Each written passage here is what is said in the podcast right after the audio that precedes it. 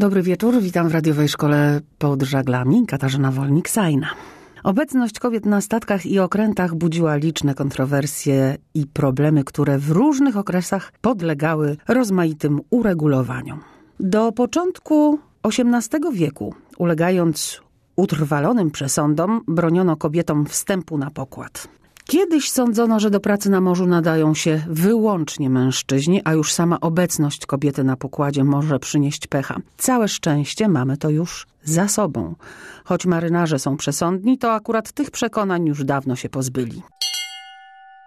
Zaczynamy piosenką na dobrej audycji początek, a będzie to piosenka w wykonaniu Leonory Makewoy z towarzyszeniem zespołu Banana Boat. The books we've come to read, it's kind of amusing. We don't have very much that's very smart to say. And theories we tell ourselves we need, I think we could lose them. Funny how those theories end up in our way. Take a little look at the race we've run. Take a little look at how far we've come. Takes a little faith, but it's my belief with a little luck we'll be fine. Never let it sleep till we've made amends. Never take for granted our truest friends. Takes a little work, but I really think with a little luck we'll be fine. For all of our educated gains, the root of the problem is finding common sense in very short supply. And letters that supersede our names, think we should drop them. Those letters only come between the you and I. Take a little look at the race we've run. Take a little look at how far we've come. Takes a little faith, but it's my belief. With a little luck, we'll be fine. Never let sleep we've made amends. Never take for granted our truest friends. Takes a little work, but I really think with a little luck, we'll be fine. And if it tumbles down, if it tumbles down around our feet, all around our feet, we will stand. We will stand our ground. We will stand our ground and freeze out the heat. Take a little look at the race we've run. Take a little look at how far we've come. Takes a little faith, but it's my belief. With a little luck. Never let it sleep till we've made amends. Never take for granted our truest friends. Takes a little work, but I really think with a little luck, we'll be fine. Take a little look at the race we've run. Take a little long, hard look at all we've done. Take some faith, but I believe with a little luck, we'll be fine. Never let it sleep till we've made amends. Never take for granted our truest friends. Takes a little work, but I truly do think with a little luck we'll be fine. With a little luck we'll be fine. With a little luck we'll be fine.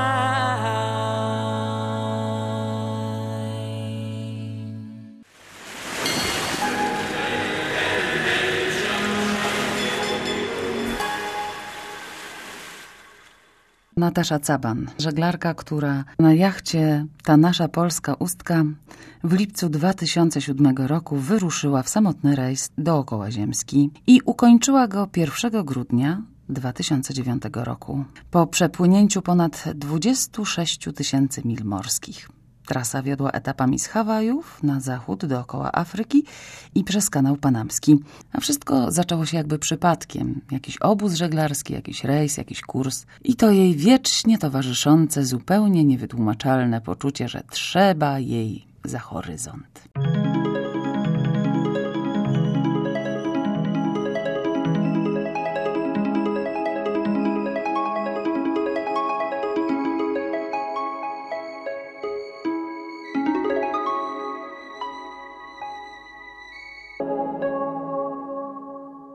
Czego ci brakowało w takim samotnym rejsie? Wszystko zależy. Y, na lądach, jak miałam przystanki, y, no, ładowałam się zawsze taką energią pozytywną ludzi, bo spotkałam fantastycznych, życzliwych mi ludzi. Jestem przekonana, że oprócz tego, że świat jest piękny, to jeszcze jest pełen dobrych ludzi. Y, na morzu miałam swoją wolność. Brakowało mi drzew oczywiście, lubię drzewa, brakowało mi psa, brakowało mi mamy, taty, siostry, nie wiem. Mimo tego, że samotność jest taka bardzo odczuwalna na wodzie, jak się jest samemu, to się czuje inaczej, tęsknota jest inna zupełnie niż na lądzie, ale, ale to, to była część mojej, mojej wyprawy, to była część tego, że chciałam siebie poznać, miałam na to czas. Brakowało mi, nie wiem, jedzenia mojej mamy, brakowało mi lodów. E. A jednak zdarzały się momenty, kiedy strach zaglądał ci w oczy i myślisz sobie nigdy więcej. Była taka noc, prawda? No nie zawsze było słonecznie, tak to ujmę, nie zawsze były te delfiny, czy wieloryby, czy foki koło mojego jachtu. Czasami było ciemno i, i, i może było groźne, takie Neptun pokazywał, co potrafi. Rzeczywiście to jest niesamowita potęga. Przedostatnia noc rejsu była ciężka, e, już przy Hawajach, przy kanałach. Między wyspami e, od pięciu lat po raz pierwszy były tak wysokie fale.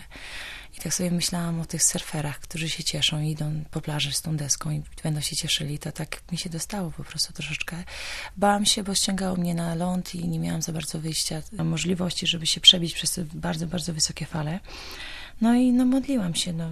Zawsze na oceanie miałam tak, że miałam wrażenie, że jak się patrzę na to wszystko, co się dzieje naokoło, to jestem troszeczkę bezpieczniejsza. Ja bym chciała pomóc temu jachtowi, żeby ona nie była sama, żeby sama nie walczyła. No ale wtedy miałam już dosyć i poszłam do środka nawet. Zamknęłam się i po prostu siedziałam i słuchałam. Słuchałam tego szumu, fal, uderzeń, wody o burtę. I... O co się wtedy prosi Boga? No prosi się o ten piękny poranek po sztormie, żeby go zobaczyć. Oj, była to trudna chwila.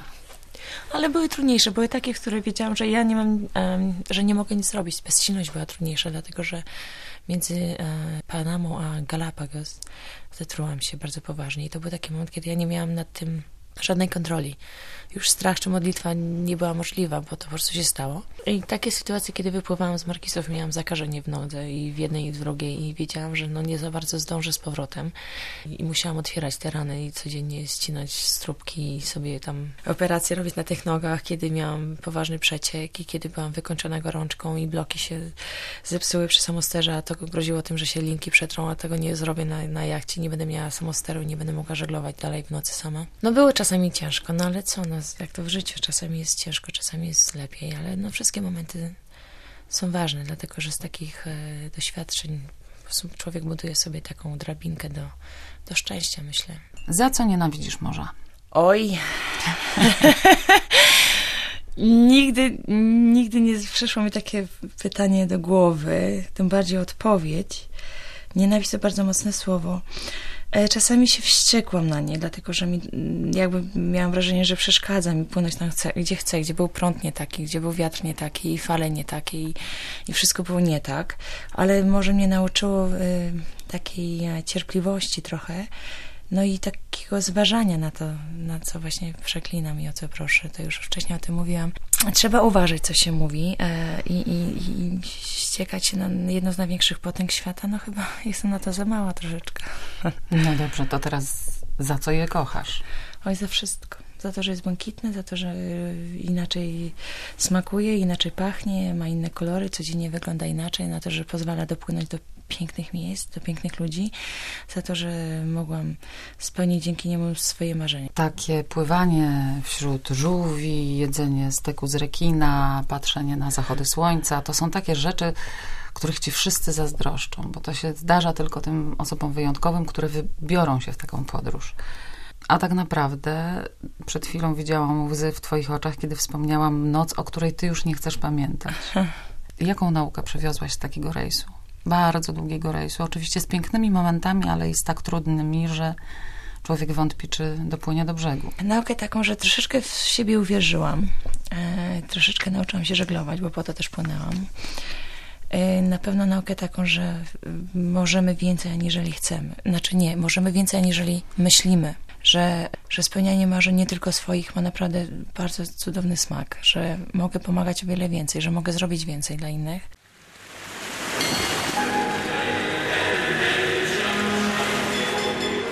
Radiowa Szkoła pod Żaglami w Radiu Szczecin.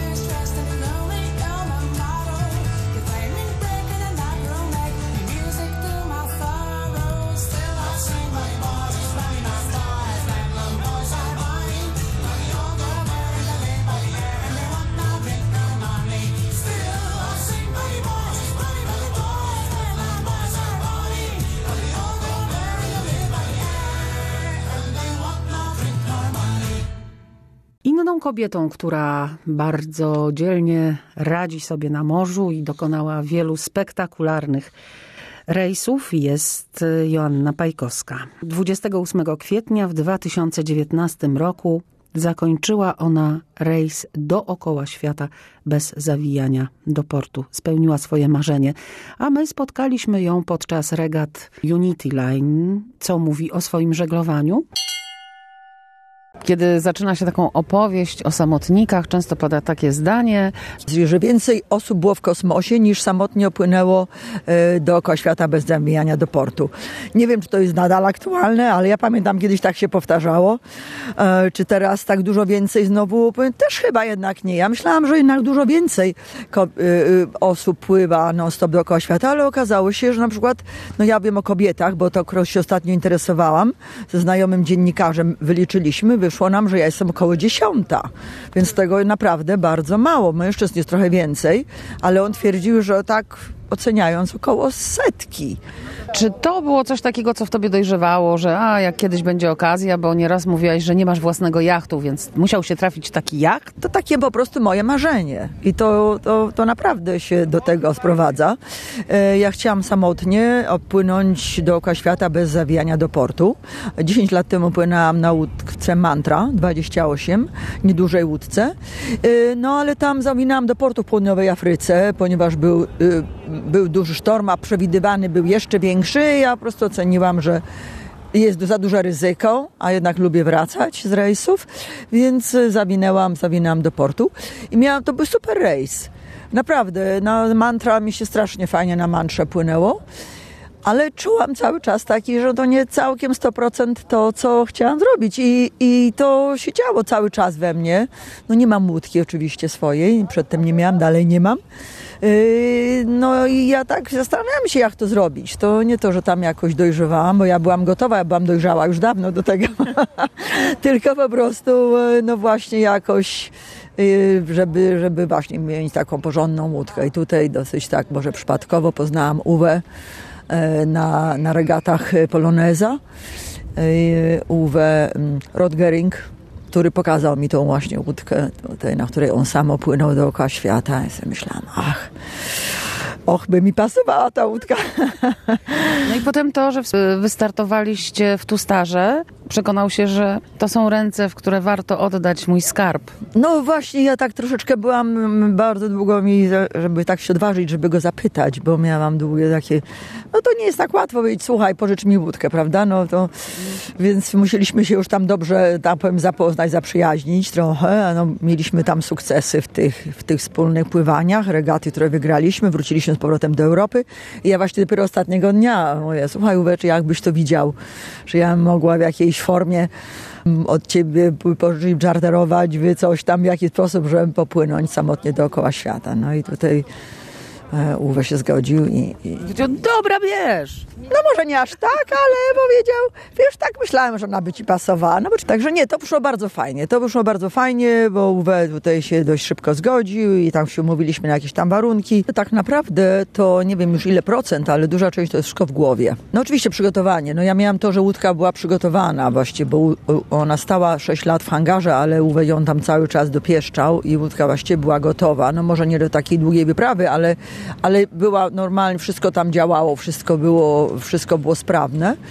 Natomiast ja uważam, właśnie mówię, że wszystko jest w głowie. To, co mówimy, ach, bo będzie nam tego brakowało, czy to, coś nie tak, czy to, to wszystko sobie trzeba w głowie ustawić, co jest, dla, co jest ważne takim, w takim, w takim rejsie i z czym się można, trzeba liczyć. To na pewno troszeczkę szczęścia też trzeba mieć, że jak ta fala podwójna się załamie, to może się nie zwali to wszystko do naszego kokpitu, tylko może akurat się nam uda, żeby nie podwójna, prawda, i nie te strasznie tony wody.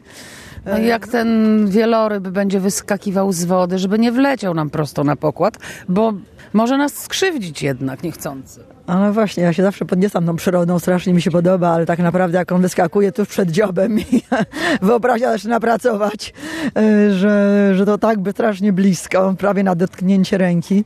Też ta, ten, ten odrobinka szczęścia. No ta przyroda tam jest i, i to, jest, to jest właśnie fantastyczne. Myślisz o tym, że to ty jesteś gościem u nich? Tak, oczywiście. Moment, kiedy powiedziałaś, co ja tu robię? Ja właściwie takiego momentu nie miałam, muszę przyznać, bo to wszystko znowu jest w głowie, prawda? Ja się nastawiłam y, psychicznie jakoś tam, że to nie może być lekko, że będą różne trudności, że będą różne awarie, że nastawiałam się na przykład, że będzie, dużo zimniej.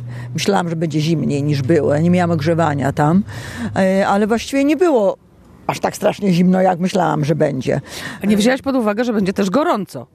Tego w ogóle nie wzięłam pod uwagę, mi się w ogóle nie przejmowałam, bo wydaje się, że takie proste, prawda? Tylko o tym zimnym tak się trochę przejmowałam, bo tak, że tam będzie trudno, a w tym gorąco to wcale nie było łatwiej, tam było potwornie gorąco w tych strefach równikowych, także rzeczywiście ten przegląd, przegl prze, cały, cały prze, przegląd e, różnej tem i temperatur i pogody kiedy rozmawiałyśmy po Twoim powrocie, zaraz po Twoim powrocie, to powiedziałaś coś takiego, że nie, no fajnie, ładne te ptaki, to, to takie drzewka, wiosna, tutaj tak ładnie jest, ładnie, ale jakby to zrobić, żeby znowu wrócić na wodę? Po ośmiu miesiącach bycia na tej wodzie, więc to był szalenie krótki odcinek. Jak to jest? Uzależnienie? No pewnie jest to jakieś tam uzależnienie, pewnie jest to ta adrenalina, no jest to jakieś takie um, emocje, ale ja byłam troszkę na wodzie w międzyczasie, tyle, że byłam z ludźmi, nie to, że byłam sama, więc tam takich różnych tam imprezach właśnie z ludźmi. I to zupełnie jest co innego, więc... E, co też jest fajną żeglugą, zupełnie, ale tak, coś zupełnie innego, więc już troszeczkę mi tak stanowało się, że też lubię być na, na lądzie. Na lądzie też jest fajnie. Na rowerze pojeżdżę, to, to, to pobiegam, bo tam jednak człowiek się nie rusza. No jest jedyny problem na łódce. Człowiek właściwie siedzi albo stoi, albo leży. A i tak schudłaś 10 kilo. No bo mało jadłam i nie, nie podjadałam żadnych owocków, ani czekoladek, ani ten co w domu zawsze gdzieś tam jakieś czekoladki, a owocki to już zawsze są, a na łódce ja nie miałam tego, więc żadnego podjadania tam nie ma, więc ja dużo schudłam rzeczywiście. Horn nie był dla ciebie łaskawy w, w, tym rejsie? Rzeczywiście było chyba najtrudniej już tam na tych południowych oceanach, bo miałam rzeczywiście dużo szczęścia przy przylądku Dobrej Nadziei. Zeszłam bardzo głęboko na południe, e, omijając te tam nie, niebezpieczne prądy. E, potem też nie było tak źle, cały ten południowy indyjski i właściwie południowy Pacyfik też jakoś mi się tam udało slalomować między tymi najgorszymi e, sztormami. Natomiast na Hornie to już jest ten problem, że jeżeli tam jest zła pogoda, to nie ma gdzie uciec, bo tam jest dość wąsko, potem teraz jest Antarktyda, mhm. więc daleko na południe nie ma gdzie uciec. E, tu trzeba jakoś się ominąć to, więc e, no tam niestety a nie dało się zrzucić kotwicy i poczekać na odpowiednie okienko pogodowe? No nie dało się. Tak się, tak się nie daje, nie daje. No czasami ja na przykład e, płynąc na, wcześniej na tym Pacyfiku, jeszcze tam e, były takie prognozy, dobrze, to było, zdarzało mi się, na przykład troszeczkę zwolniałam, żeby wyglądało mi, że wtedy przepuszczę ten, ten niż i, i, i, i to paru, miałam takie sytuacje. Czasami trochę poszłam na północ bardziej, trochę bardziej na południe, czasami właśnie troszkę zwolniłam, e, po prostu redukując żagle, żeby to sobie tam się wydmuchało, zanim ja tam dopłynę i to, i to się sprawdzało, działało. Naprawdę tam są te prognozy bardzo dobre, bardzo, bardzo się sprawdzają. No ale właśnie ten horn jest tak, że tam nie ma, nie da się, nie ma gdzie właśnie przeczekać, nie ma gdzie tam jakoś zwolnić i, i, i, i a, tak, a wręcz przeciwnie, tam mnie gonił jeszcze gorszy sztorm, więc ja tam się musiałam mocno sprężać, żeby z kolei uciekać, bo miało być jeszcze gorzej, więc... Właściwie co cię pcha na wodę? Tam po prostu bardzo dobrze czuję, szczególnie jak właśnie jestem sama, myślę, że to jest też fajnie, że jakoś tak robię wszystko po swojemu i, i nie, nie muszę myśleć, czy tam innym, innym też jest wygodnie, czy coś innego, czy akurat by na przykład chcieli zjeść hamburgera, czy inne coś innego.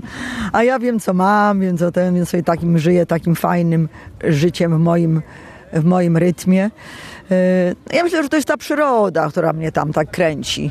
Jednak tam się jest częścią tej przyrody po prostu. Ja rzeczywiście pewnie przez to, przez ten, przez ten mój rejs, bo tam ja miałam dużo jakichś różnych przejść, ale ja myślę, że osoby, które na przykład przejdą przez jakieś trudne sytuacje życiowe, na przykład też pewnie patrzą inaczej na takie problemy takie przyziemne, po, powiedzmy. To ludzie robią awanturę, bo na przykład jest za zimne, ziemniaki dostali w restauracji. Ja naprawdę patrzyłam tutaj pod kątem tego mojego marzenia. To jest tak, jakby mieć marzenie y, jakieś zupełnie inne też. Człowiek je realizuje i jest po prostu strasznie fajnie. A, a że to jakoś tak wyszło, że tak niewiele osób to zrobiło i mówią, że to takie coś niesamowitego. Chyba do mnie jakoś nie za bardzo też to dociera może. Joasiu, czy istnieje płeć, jak się płynie dookoła świata? Bo mówi się 10 kobiet. Czy płeć ma znaczenie w tym żeglowaniu?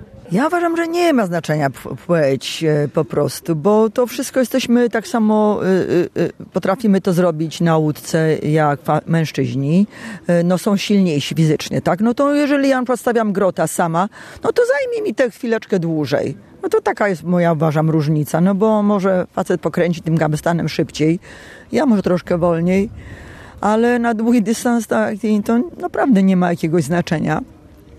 Wydaje mi się, że kobietom jest trudniej wypłynąć, nawet gdyby może chciały. Bo na razie nie spotkałam takiej, która przyszła i powiedziała, ja też tak chcę. To jeszcze nie spotkałam, ale mam nadzieję, że takie będą. Ale wydaje mi się, że trudniej jak mają dzieci, prawda? No kobiecie jest trudno zostawić dzieci i wypłynąć. Jak są jakieś małe, czy chodzą do szkoły, czy coś. Także no ja nie mam dzieci, więc jest to, jest mi jakby tutaj łatwiej. Trzeba mieć odwagę? Podobno tak, no ale ja znów nie patrzę na to w ten sposób. Podobno mówią mi, że jestem odważna i dzielna, ale ja naprawdę, ja uważam, że kobiety, które mają ileś tam dzieci, wychowują te dzieci i, i rodzą najpierw te dzieci, to tu są takie dzielne, no Holender, no jak to nie są dzielne, no są strasznie dzielne. No, żeby tak sobie wymarzyłam, że, e, że potrafię i, i, I, i, i to realizuję i, i to sprawia mi straszną frajdę.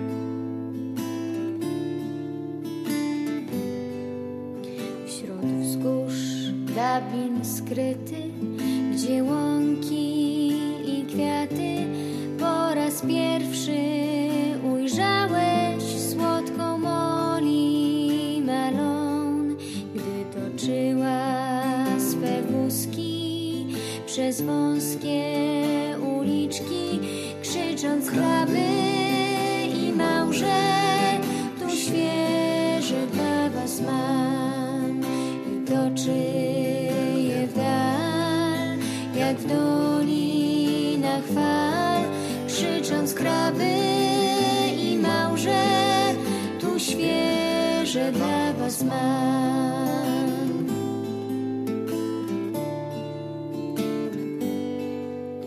Tak samo jak matka każdego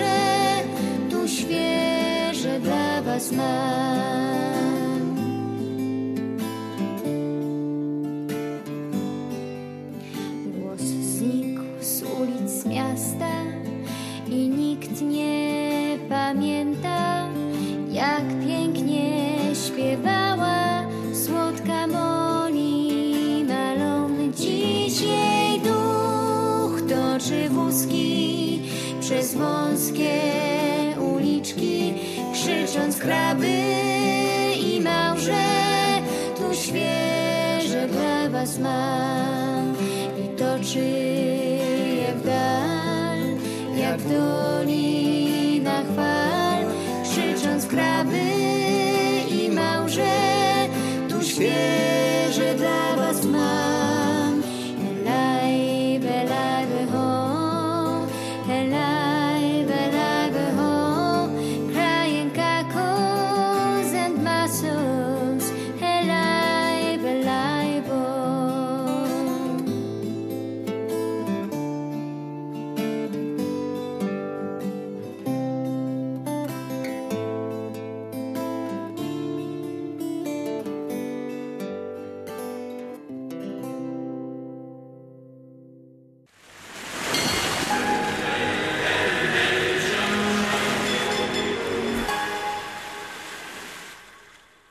Najsłynniejszą Polką, która przełamała męską hegemonię morską, jest kapitan żeglugi wielkiej Danuta Kobylińska-Walas, przez znajomych i załogę pieszczotliwie zwana Żabą.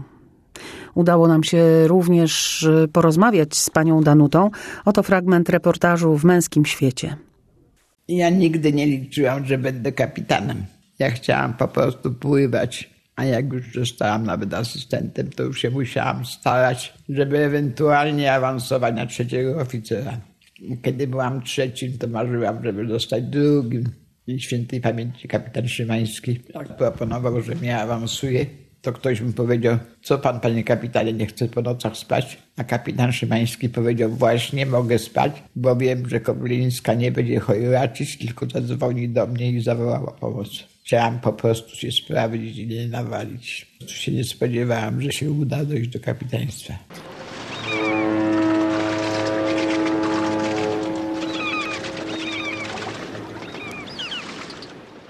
Warszawa, 13 listopada 2018 roku. Małe mieszkanko, a w nim pani kapitan. Byliśmy już chyba w Szczecinie. Założyłam harcerski zastęp żab. Moja mama też była harcerką. Właśnie ten zastęp żab, pięć dziewczyn, wspólnieśmy próbowały żeglować. Ja jeszcze będąc w liceum u pani Szczelskiej, sławnej szczecińskiej, urywałam się z lekcji. Miałam szansę do, Golę, do Golęcina pojechać. Tam była przystań, gdzie były małe posiłki. Jak się godzinę popracowało przy skrobaniu, czyszczeniu, to bosman dawał łódkę na godzinę czasu do pożeglowania. To był dla mnie szczyt szczęścia już. Po prostu to mnie wszystko bardzo wciągnęło. Potem rodzicami jeszcze jeździliśmy do Dziwnowa. Jakiś znajomy rybak nas zabrał na morze. Tam nas wykiwało, troszkę się oddało hołd Neptunowi. I powiedziałam, nie, ja tu muszę, muszę.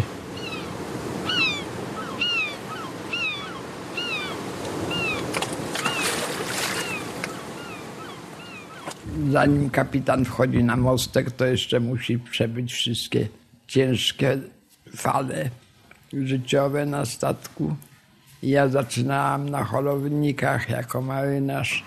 Wtedy jeszcze nie byłam żadną jak we flocie, tylko byłam kajtkiem, który szoruje pokłady holowników na pasażerskim małym stateczku.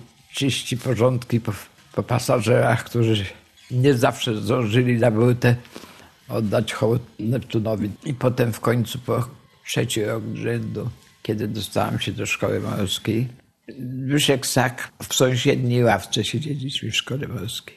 A oni początkowo wszyscy byli, koalicję założyli przeciw babom. Kto, kto będzie babom pomagał w nauce, to dostanie kocówę i tak dalej. Jakoś przebrnęłam.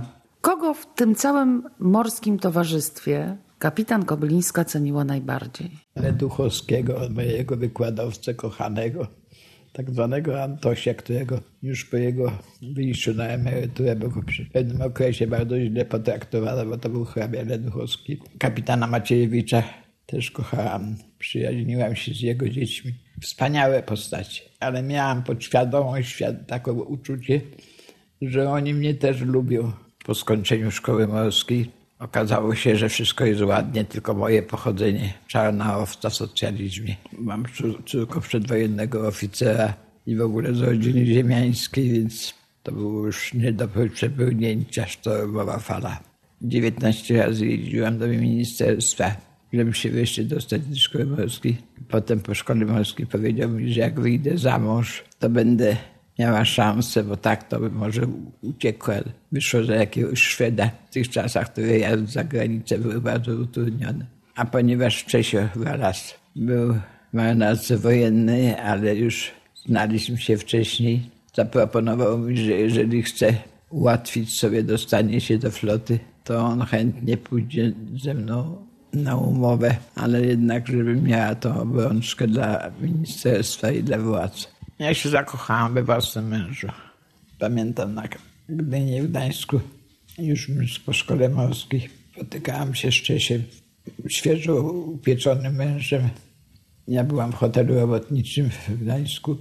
Pracowałam na bazie zdawczej. Dorobiłam się, nawiasem mówiąc, zapalenia płuc, bo przysypiałam na styropianie w stoczni na budujących się statkach. No potem jeszcze trochę potrwało, jak się dowiedziałam w 56 roku, że mam prawo pływania, to szłam do domu ze szczęścia całą drogę w Szczecinie. Płakałam, no i zaczęłam pływać. Sięgnijmy do archiwum Radia Szczecin. Kiedy ja po tym okresie, po szkole morskiej, okresie bezrobocia, bez prawa pływania, wreszcie trafiłam tu jako asystent pilotażu. Wyszłam tak z tyłu jakoś za komin, była taka sztormowa pogoda, aleśmy na ten statek weszli, tak, tak dmuchało, troszkę jakiegoś już chyba śnieżku było. I tak słyszałam to dudnienie tego silnika i tak jakoś ten wiatr dmuchał, a ja tak sobie stanęłam i pomyślałam, kurczę pióro, świat jest piękny, to jest jednak to, co mnie jakoś w środku śpiewa, ten silnik, który słyszałam.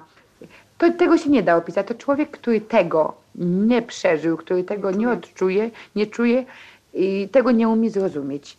Trzeba być mocno zakochanym w tym zawodzie, żeby znieść te wszystkie szykany, jakie kobieta mimo wszystko musi znieść, żeby do czegokolwiek dojść. Ale właśnie te wszystkie trudności, poniżenia, te męskie ambicje, które nieprędko ucichną w tym zawodzie, można tylko wtedy znieść, jeśli się idzie naprawdę z pełnego przekonania, nie tylko przekonania, jak się ma właśnie to coś w środku, co tam śpiewa, czy gra na widok sztormu, fali i trzeba ten daktyl połknąć.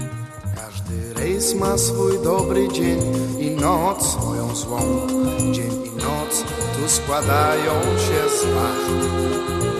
Każda wachta na szczęście piosenkę ma swą, a piosenka zawsze adres swój ma. Za tym wychrem, za Golsztromem wstaje świt nad jasnym domem. To mój Szczecin. Nigdy nie podejrzewałam, że zostanę kapitanem. Płynąc z Kuby miałam doświadczenie, bo kapitan leżał chory z pękniętym przodem do nastycy. Ja biegałam do starego, do, do kabiny, jak leżał, gotowałam mu tam kleiczki. Potem na mostek i we mgle już całą odpowiedzialność ponosiłam, kiedy kapitan był chory. Ten odcinek w Newport kapitana zabrali do szpitala i byłam przekonana, że po prostu przyślą innego kapitana i że będę z powrotem na, na pierwszego przesunięta. Tymczasem dyrektor Karger, któremu też dużo zawdzięczam, powiedział, baba ma dyplom kapitański, ma wiedzę, jest rozsądna, nie będziemy jej degradować, niech płynie jako kapitan. Ale już jak zostałam kapitanem, to już wtedy mnie uznawali. Okazało się, że moje dobre serce, a silna ręka, doświadczenie swoje robią. Na każdym kroku musiałam uważać. Za każdym razem, kiedy gęsta mgła, kiedy sytuacja awaryjna, myślałam, bo może teraz powiedzą nie, że wypadek na morzu, tylko że głupio baba utopiła statek.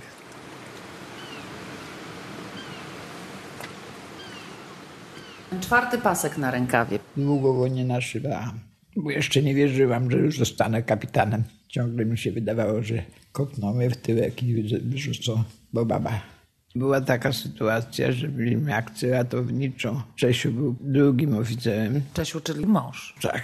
Ja się denerwowałam, że nie dam rady tego statku ratować, bo to kopalnia Ciemianowice, stary dziesięciotysięcznik. Ja byłam na Bieszczadach. Zgubili płetwę sterową i dryfowało ich na Isla Berlenga na skały. Co prawda był w samej odległości inny statek z męskim kapitanem, ale on powiedział, Kowalińska jest bliżej, to niech ona idzie na ratunek. W ogóle wtedy trzy noce stałam na mostku. Dopiero jak wzięłam na hol ten statek na Atlantyku, na drugiej fali, dochorowałam do Redy Lizbony. Tylko nas kapitan portu nie wpuścił tych dwóch statków. Nie oddałam go, przekazałam na holenderski ratowniczy holownik. Myśmy płynęli dalej do Genui. To była czwarta noc, ja już też już ze zmęczenia nie mogłam spać. A się okazało, że ten holownik, ogromny specjalista od holowania, z tymi siemiennicami przejechał się po portugalskich kanonierkach w porcie wojskowych. Narobili bałaganu, a ja sobie myślałam, Boże, jak to dobrze, że to nie ja. Miałam podwójne obciążenie jako kapitan i jako baba.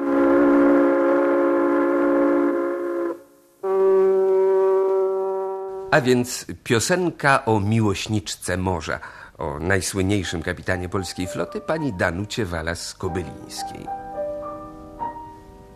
Jest kapitan dzielnych wad pływającej kadry kwiat. W każdym rejsie pewną ręką dzierży ster. Ktoś z ubioru jego w lot mógłby poznać, że to Szkot. Lecz on perlą jest peżetemowskich sfer.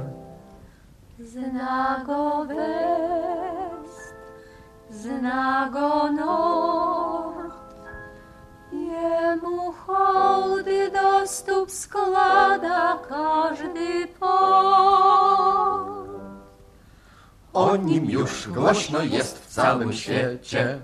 Już nie jeden mu armator kwiatki dał. Owszem, kwiat warto dziś dać kobiecie, lecz kapitanowi bukiet, co za szał. Znają chyba cała Polska. Jej zdjęcia obiegły prasę pięciu kontynentów. Witano naszą bohaterkę owacyjnie i z sympatią na Kubie i w Londynie, w Warnie i w Hongkongu. Mowa oczywiście o jedynym polskim kapitanie w spódnicy, Danucie Walas-Kobylińskiej.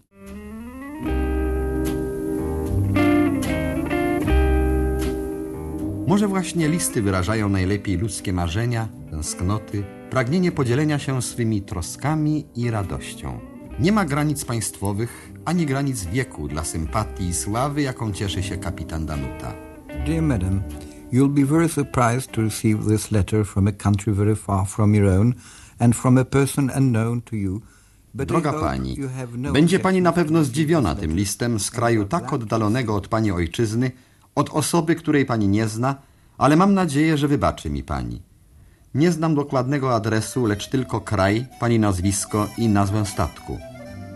Przeczytałem o pani w indonezyjskim magazynie Varia i zaciekawiło mnie, że kobieta może zostać kapitanem statku. Moje wielkie uznanie. Przede wszystkim chcę pani złożyć najserdeczniejsze życzenia, żeby pani sobie dobrze radziła i żeby panią nigdy burza na morzu nie zastała. Ja się tak bardzo cieszę, że pani jest najważniejsza na okręcie i że panią wszyscy muszą słuchać, nawet mężczyźni. Pani jest następną po Walentynie Tiereszkowej. Jestem dziewczynką i dobrze wiem, że mężczyznom wydaje się, że oni najważniejsi i dlatego bardzo się cieszę, że to pani jest najważniejsza. Ewa Janczewska, 10 lat.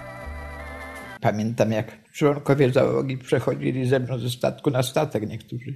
Przetarłaś tę drogę kobietom na morze. Jeździłam do ministra szopy prosić, bo to był mechanik, kolega, że jak skończy się na mnie cała kariera, to będzie dowód, że się właściwie by- byłam i się skończyłam. A jak inne kobiety będą mogły pływać, to będzie dowód, że się sprawdziłam i że można kobietom oddać steryle statkowe w ręce. No i tak potem po pięć kobiet przyjmowano do szkoły morskiej na moją prośbę.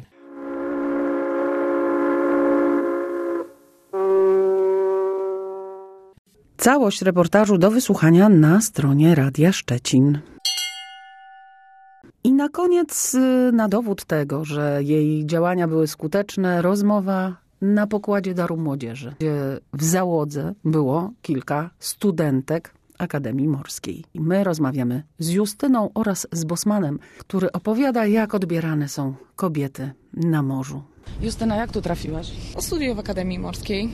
Tak więc trafiłam tu dlatego, że każdy z nas musi tutaj trafić. Tutaj odbywamy swoją praktykę morską.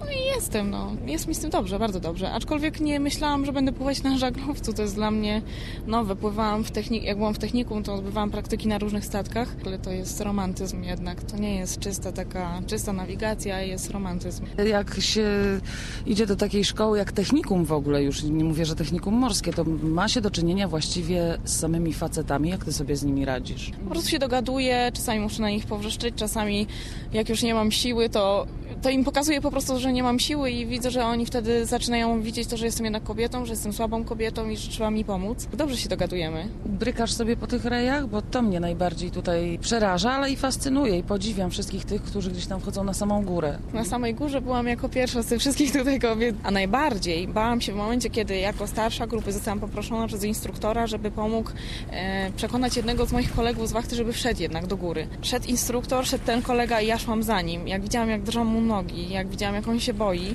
i widziałam, jak, jak też poniekąd na mnie spoczywa jakaś odpowiedzialność, dopiero wtedy zaczęłam się bać. Bo jak sama wchodziłam, jak sama zresztą wchodzę, to raczej się nie boję. Raczej jestem tego pewna, że wchodzę, mm, pewna jestem swojej siły i będę chodzić nadal na tym statku i pomimo swoich obowiązków wielu, mm, brak snu, dużo pracy często, e, czuję się, jak jestem na statku, czuję się zupełnie inaczej.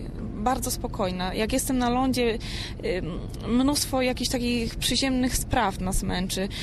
Y, Oprócz nawigacji studiuję też drugi kierunek. Myślę o tym, co tu, myślę o tym, co w domu, myślę o tym, y, o, o chłopaku, o swoich takich sprawach bardzo przyziemnych, o miłości. No wiadomo, a jestem tutaj, czuję się wolna i tutaj nic mi nie siedzi, nic mi tu nie ciąży, czuję się szczęśliwa. Jesteś kobietą i bardzo wyraźnie widać to na pokładzie. Nawet jak wychodzisz na wachtę, to masz pomalowane rzęsy. Nie chcę się utożsamiać z mężczyznami, bo mam wystarczająco męski zawód, mam wystarczająco męskie poglądy, plany, wystarczająco dużo z nimi spędzam czasu, żeby nie chcę o tym zapomnieć, bo to jest jednak, jestem kobietą, chcę ja o tym pamiętać po to, żeby o tym nigdy nie zapomniał mój przyszły mąż, żeby o tym wiedziały moje przyszłe dzieci. A jak ja zapomnę o tym teraz, no to myślę, że w przyszłości będzie mi jeszcze łatwiej o tym zapomnieć. Moi koledzy z mojej wachty wiedzą, że jak przeklną i trafią na mój wzrok, to już nie mają za fajnie. Mówią na mnie, że jestem zołzą, że jestem małpą straszną. Kiedyś była to tylko męska załoga. Żeglarstwo, sprawa męska, wiadomo. Pojawiły się kobiety. Czy pan toleruje kobiety żeglarki? Tak, nie mam nic przeciwko kobietom, póki nie myślą o założeniu rodziny, o macierzyństwie, to to po prostu niech sobie realizują, skoro ich to jest marzenie, skoro chcą się sprawdzić. Obecność dziewczyn tutaj na statku po prostu łagodzi e, obyczaje, po prostu można e, poprzez e, forowanie dziewczyn doprowadzić do sytuacji takiej, że można się wyzbyć wulgaryzmów, e, nie, nie, nie, nieładnego zachowania się i to pomaga. Uwielbiam Osmana Malera. To jest y, mężczyzna, który jest tak samo mądry, jak i konkretny. Nie ma tutaj żadnego, y, żadnego owijania w bawełnę. Są konkrety, jest praca, jest czysta praktyka, są zasady, świetne zasady. Jak zrobiłabym coś źle, też mi się zdarzyło, aczkolwiek no może nie, nie, nie zrobiłam nic takiego, co by mnie tu zakuło, ale myślę sobie, że, że po prostu bym się spaliła ze wstydu, gdybym mocno go zawiodła czymś. Mówią, że masz bardzo silny charakter. To prawda? Tak mówią. Jest jedna osoba, albo może nawet dwie na tym świecie, które wiedzą, że tak nie jest do końca.